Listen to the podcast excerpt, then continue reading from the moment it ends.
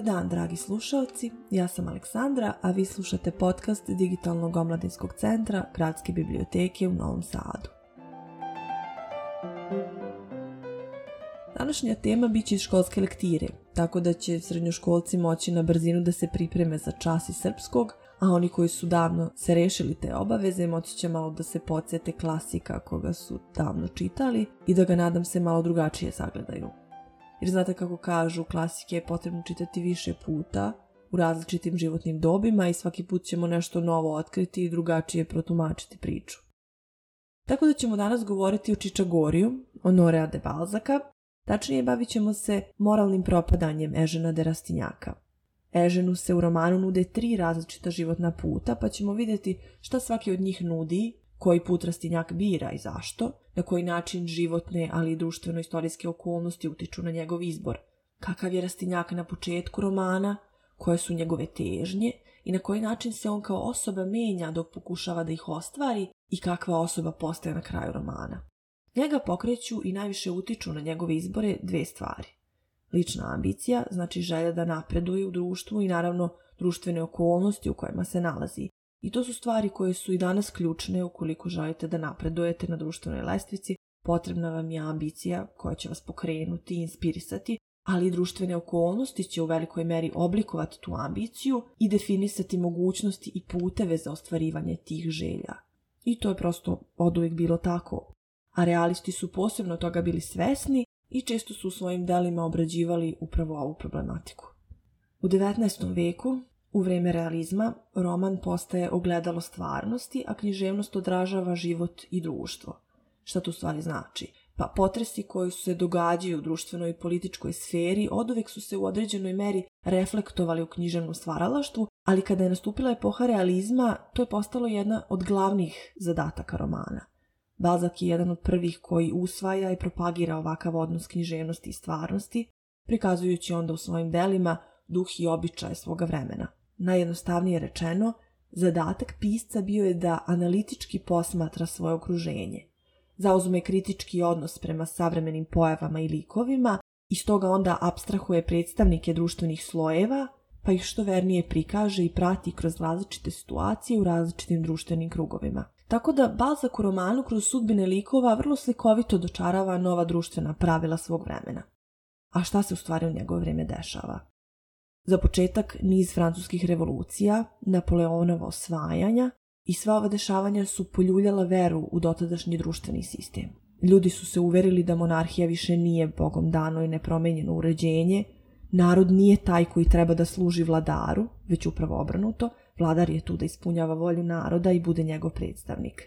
Mislim da smo o ovome već govorili u nekom od ranijih podcasta, ali važno je ponovo naglasiti za razumijevanje bazakovih likova i atmosfere u romanu. Međutim, mi govorimo o prvoj polovini 19. vijeka. Napoleon je vladao 10 godina do 1815. ako se ne varam, a društvene konvencije i navike koje su trajale stotinama godina unazad je teško iskorijeniti, pa je čak i Napoleon odbacio prvobitne ideje revolucije na osnovu kojih se i domogao vlasti pa se proglasio za cara. Tako da je u pitanju jedno vrlo turbulentno vrijeme. Oni koji zastupaju nove ideje revolucije pokušavaju da sprovedu promene i suprostavljaju se dotadašnjoj tradiciji, a sa druge strane oni koji su vekovima vladali pokušavaju da zaustave te promene i zadrže postojeće stanje.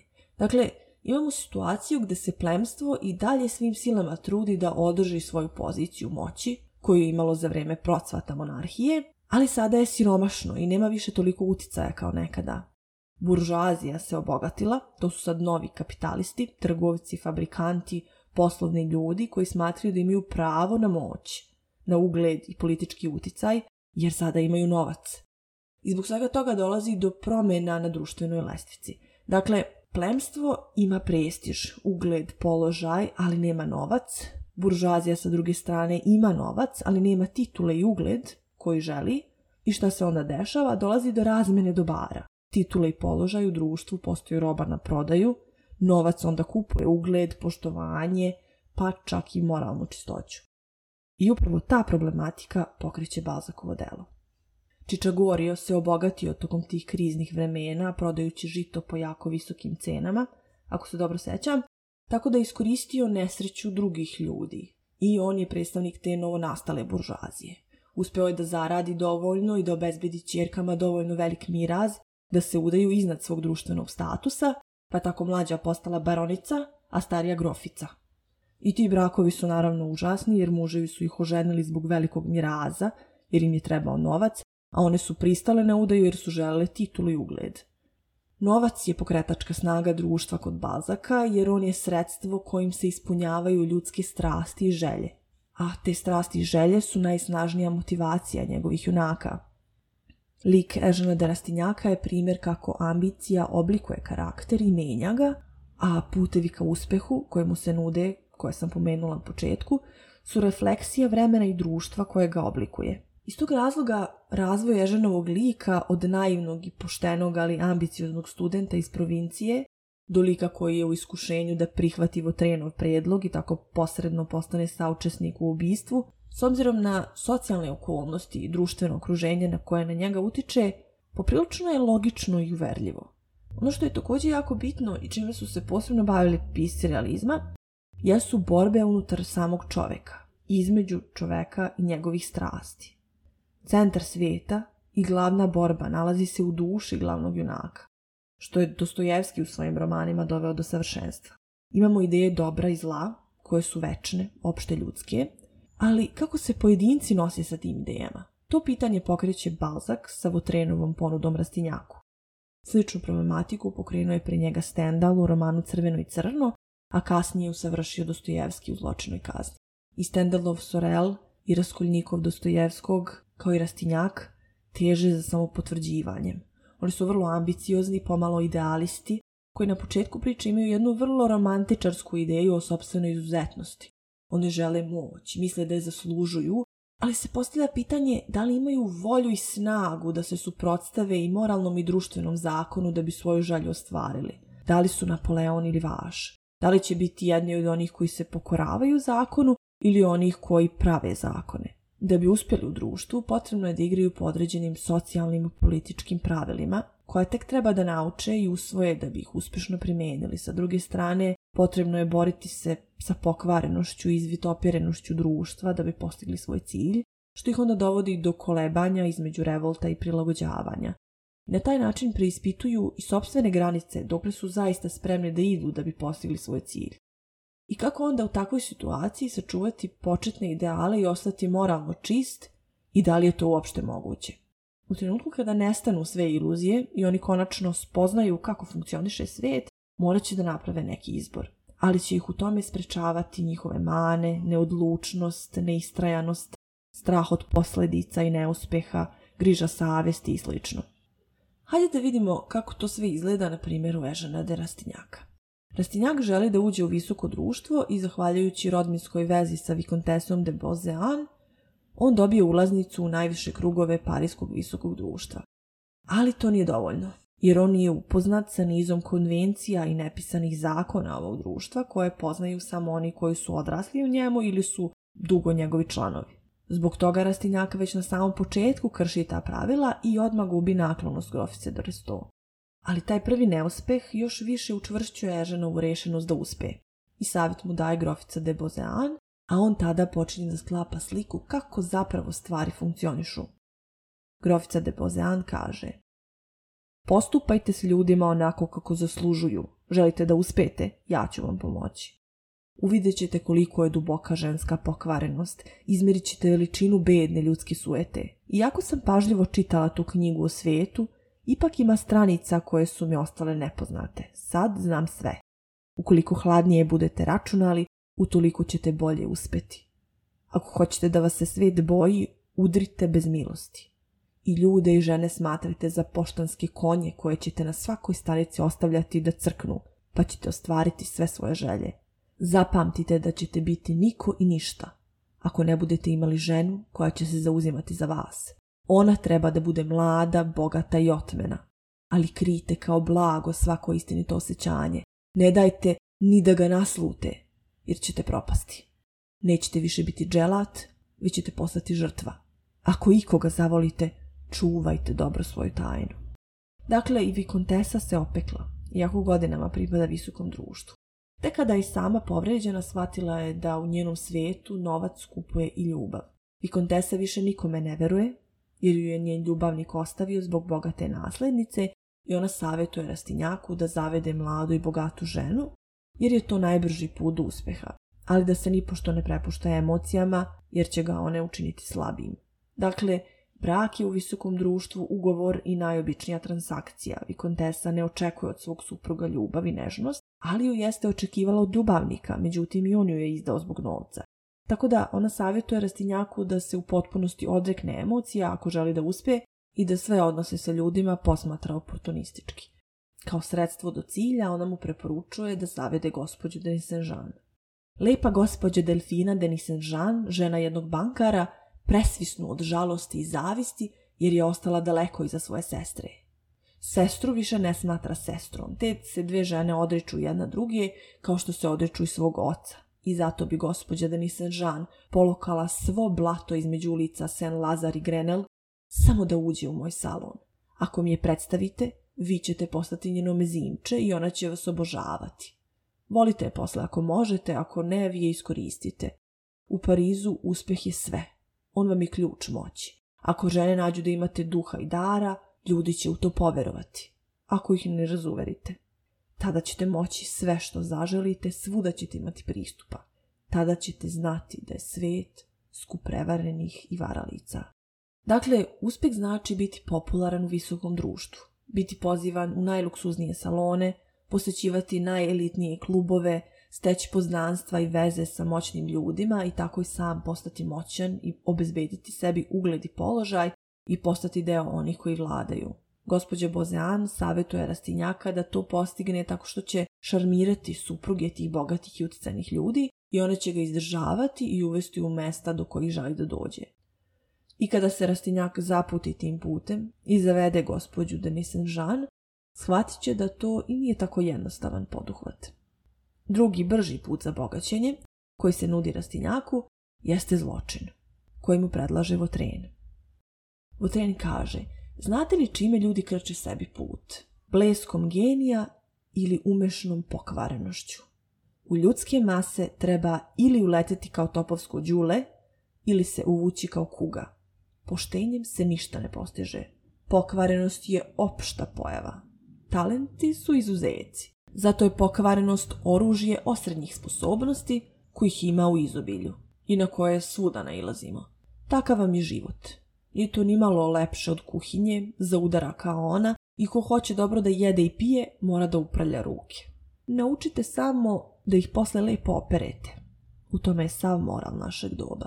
Ja vam s pravom ovako govorim o svetu jer ga poznajem. Mislite li da ga osuđujem? Ni najmanje. Uvek je on takav bio. Moralisti ga neće nikad izmjeriti. Čovjek je nesavršen. Znači, Votrenova filozofija se sastoji od ideje da su svi ljudi manje ili više licemerni, zbog čega se poštenjem ne može uspjeti. On smatra državne zakone nepoštenim, jer štite bogate, a siromašne drže u potičnjenom položaju, tako da Votren sebe postavlja iznad zakona. Njegovi argumenti su bedljivi i zavodljivi, a naivni rastinjak koji je već okusio raskoš parijskih salona i doživeo neuspeh kada je pokušao da ih osvoji, pada u iskušenje da prihvati Votrenov predlog. Da bi pošteno uspeo, kao siromašni student, za kojeg porodica odvaja posljednju paru, potrebne su godine rada i truda, s tim da konačni cilj nije zagarantovan. Sa druge strane, ono što mu Votren nudi je brzo i sigurno bogaćenje, a sve što je potrebno da uradi jeste da zažmuri pred zločinom. Ali koliko god bila jaka njegova ambicija, Rastinjaka muči griža savesti i ne može da prelomi. Pa zato pita za savjet svog prijatelja Bjanšona, tako što mu postavlja Rusovu dilemu. Šta bi uradio kada bi mogao da se obogati tako što bi ubio u Kini jednog starog mandarina? I to samo svojom voljom. Na to pitanje mu Bjanšon odgovara. Pa ti postavljaš pitanje koje svako postavlja u početku svog života i misliš mačem da razrešiš gordiv čvor. To je mogao da uradi Aleksandar, ali drugima ne gine robija. Ja se zadovoljavam skromnim životom u nekoj palanci, gdje ću naprosto naslijediti mesto svog oca. Čovjek može sasvim da zadovolji svoje potrebe i u najužem krugu kao i u najširem. Naša je sreća, dragi moj, uvek u celom našem biću. Stajala ona godišnje čitav milion ili sto zlatnika, unutrašnje osjećanje isto. Ja sam za to da Kinez ostane živ. Dakle, za razliku od Votrena, Bianchon ne smatra da je zločin jedini odgovor, jer kao ideal postavlja sreću i unutrašnje zadovoljstvo, a ne novac. Lično osjećanje zadovoljstva i ispunjenja prvenstveno zavisi od pojedinca i njegove duhovne zrelosti i rijetko je povezano sa materijalnim, naravno ako su osnovne životne potrebe zadovoljene. Tako da je Bianchon zadovoljan sa skromnim životom koji će podmiriti te potrebe i smatra da kada se to postigne, Sreća zavisi samo od nas i našeg duševnog stanja i unutrašnjeg osjećanja spokoja, a taj spokoj je nemoguće postići ako je savjest opterećena zločinom. Zbog svega toga Bianchon radije bira skromni život selskog lekara. Za rastinjaka to nije dovoljno, jer da bi zadovoljio svoje potrebe, on mora i da utoli svoju ambiciju a posao pravnika u nekoj provinciji koji će dobiti kada završi studije neće zadovoljiti njegovu potrebu za prestižom, ugledom, za bogatstvom, tako da Bionšonovi argumenti za Rastinjaka nisu bili dovoljno ubedljivi. Sa druge strane, Votrenov predlog je za njega ipak bio previše ekstreman. Ipak nije mogao da pristane i bude deo Votrenovog zločina, jer njegov moralni kompas nije baš sasvim zastranio da bi mogao svom uspehu žrtvovati tuđi život. Tako da on na kraju odlučuje da posluša savjet grofice de Bozane. Tako da on bira neki srednji put i odlučuje da posluša savjet grofice de Bozane. Sljedeći njeno uputstva, on se približava Delfini de i uči pravila i zakone visokog društva.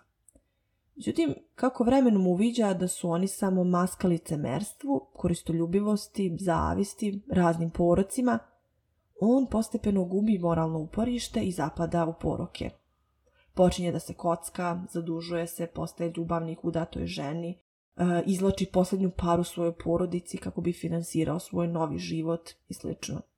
Pazak u svom predgovoru ljudskoj komediji kaže sve što je čovečansko strast je.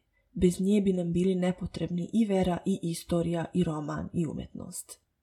Ovu ideju da nagoni i strasti upravljaju čovekom, da ga pokreću da stvara najdivnija, ali i najokrutnija dela ljudske istorije, pisac je utkao u svoje stvaralaštvo jer ju je pronašao među svojim savremenicima. Ežen se predaje strastima, a Votren koji je svestan Eženovih ambicija, ali daleko iskusniji, jer je lično upoznat sa licem i naličjem Pariza i njegovim strahovima, mu na to govori. Vi ste suviše mladi da biste mogli dobro poznavati Pariz. Docnije ćete doznati da u njemu ima ljudi sa strastima koji sebi uvrte u glavu kakvu misao i ona ih nikako ne pušta. Oni piju vodu samo sa jednog izvora. I to često ustajalu. Da se nje napiju, oni su u stanju da prodaju svoje žene, svoju decu, prodaće i svoju dušu đavolu. Za neke je taj izvor kocka, berza, zbirka slika ili insekata. Za druge to je žena koja ume da im pravi iše. Ponudi takvim ljudima sve žene na svijetu, oni će vam se podsmevati jer žele samo onu koja zadovoljava njihovu strast. Često ih ta žena nimalo ne voli, zlostavlja ih, preskupo im prodaje po malo zadovoljstva, pa ipak oni ostaju uporni i založit će i posljednji pokrivač samo da bi joj dali posljednju paru. Tako da Votren kritikuje i žene Pariza, jer ni one ne ostaju imune na zavodljivost poroka i prepuštaju se oholosti i taštini, zaluđuju se frivolnostima, žive za raskoš, dok moralno i financijski propadaju. Ako ikad uđete u srce koje Parižanke, u njemu ćete naći prvo zelenaše, pa onda ljubavnika. Juče je blistala na prijemu kod neke vojvotkinje, jutro si na dnu kod nekog zelenaša. Eto, takve su parižanke. Ako njihovi muževi ne mogu da zadovolje... Ako njihovi muževi ne mogu da zadovolje neobuzdanu raskoš, one se prodaju. Ako ne znaju da se prodaju, one će rasporiti i utrobu svoje rođene majke, da u njoj potraže nešto čime bi blistale. One su za sve sposobne. To je poznata stvar. Ežen će se u ovo uveriti prilikom smrti Čičagorija i tada će konačno njegove iluzije biti srušene.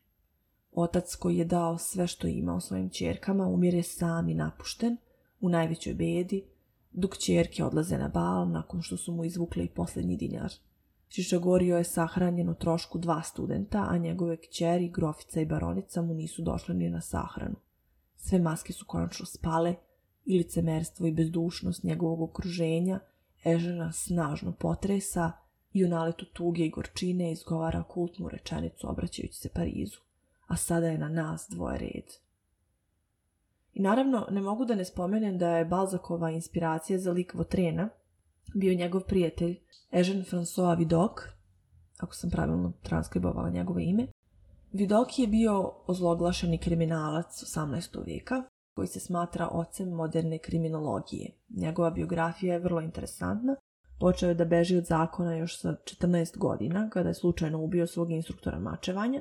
Uspevali su da ga uhvate, ali nikako nisu mogli da ga zadrže, jer bi svaki put uspeo da pobegne iz zatvora, najčešće tako što je bio odličan u prerušavanju. U to vrijeme je činio razne prekršaje, od falsifikovanja dokumenata do učestvovanja u dvobojima i ubijstva. Uspeo je da izbjegne i vešala, ali je po svemu tome postao toliko poznat da mu je bilo teško da se krije, pa je zato ponudio šefu departmana za kriminal u Parizu da u zamenu za amnestiju postane njegov doušnik. I tako je najzloglašeniji kriminalac Pariza postao špijun. Tada je imao 32 godine. Ubrzo je osnovana i posebna tajna policijska jedinica pod njegovim vodstvom, čiji je zadatak bio da nadgleda i prati sve policiji poznate kriminalce. Insistirao je da se zapošljavaju samo bivši kriminalci jer su oni najbolje poznavali pravila na ulici i procenjuje se da su Vidok i njegova jedinica do kraja 1820. godine uspjeli da smanje procenat kriminala u Parizu za 40%. Praktično je sam osmislio modernu kriminalistiku, osmislio je sistem za organizaciju čuvanje podataka, uveo istragu balistiku, otiske prsta, otiske stopala – pravila za obezbeđenje mesta zločina, forenzičku antropometriju i mnoge druge stvari bez kojih danas ne bismo mogli zamisliti modernu policijsku istragu. Postoji francuski film inspirisan njegovim životom, kod nas preveden kao Gospodar Pariza, Vincent Cassel glumi glavnu ulogu. Mene se iskreno film nije dopao, Delovalo mi je da je zamišljen kao popularni visokobudžetni blockbuster prepun akcije, pa mi je negde u postprodukciji ponestalo novca, tako da Film je nekako delovao nedovršeno, a Vidok previše ličio na junaka hollywoodskih akcionih trilera i da budem iskrena, i sam film se za moj ukus previše ugledao na Hollywood i to nekako nespretno. Nije se nimalo potrudio da bude istorijski tačan, što nužno ne mora da bude strašno loše, ali ako je ideja bila samo da zabavi, kod mene ni to nije baš uspelo. Radnja se najvećim delom bavi vidokom pre nego što je počeo da se ozbiljno bavi kriminologijom i realno može biti zanimljiv samo ako volite dosta akcije sa eksplicitnim krvavim scenama. Tako da sve u svemu ne preporučujem film, možda je pametnije da bacite pogled na neke ranije adaptacije, mada ih ja nisam gledala pa ne mogu da procenim da li su bolje. Tako da se Balzak družio sa vrlo fascinantnim čovekom, koji ga je inspirisao da u svom romanu stvori gotovo isto tako fascinantnog lika. U predgovoru ljudskoj komediji Balzak za roman kaže da je uzvišena laž istinita u pojedinostima što je vrlo interesantna definicija realističkog romana, koji dok pripoveda fiktivnu fabulu prenosi jednu dublju i opšte važeću istinu. Ljudske slabosti i strasti, vrline i mane, osjećanja i poroci su nešto što oblikuje ljude i međuljudske odnose kroz u istoriju. A Balzak kao naučnik vrši eksperiment tako što u svojim romanima prikazuje kako sve te čovekove osobine reaguju u određenim istorijskim trenucima po određenim društvenim socijalnim okolnostima. Pa kroz njegova dela možemo da vidimo kako se čovjek menja i prilagođava. Ispituju se granice čovjekove volje, ispituju se značenje i uzroci moralne degradacije i sl. Ali možemo onda i postaviti pitanje da li je to za pisa izvodiv zadatak. Pisati onome što se dešava u društvu, a ostati objektivan. Teorija pozitivizma, koja je bila vrlo uticajna u 19. veku, smatra da jeste izvodivo, ali pozitivizam je danas prevaziđen. Zato ćemo današnji podcast završiti pitanjem što mislite da li je za pisca moguće ostati objektivan i nepristrasan i da li mislite da je Balzak uspeo u svom eksperimentu? To bi bilo sve u današnjem podcastu. Nadam se da vam je analiza bila interesantna i čujemo se ponovo sljedećeg mjeseca sa još zanimljivih činjenica iz književnosti, komentara na fenomene iz pop kulture, analize mitologije i još mnogo toga, zato nas pratite na društvenim mrežama gbns.doc, čitajte tekstove na blogu Bibliofil Digitalnog omladinskog centra, a sve sugestije, predloge i komentare pišite nam na mail gbns.doc.gmail.com. Srdačan pozdrav i do sljedećeg slušanja.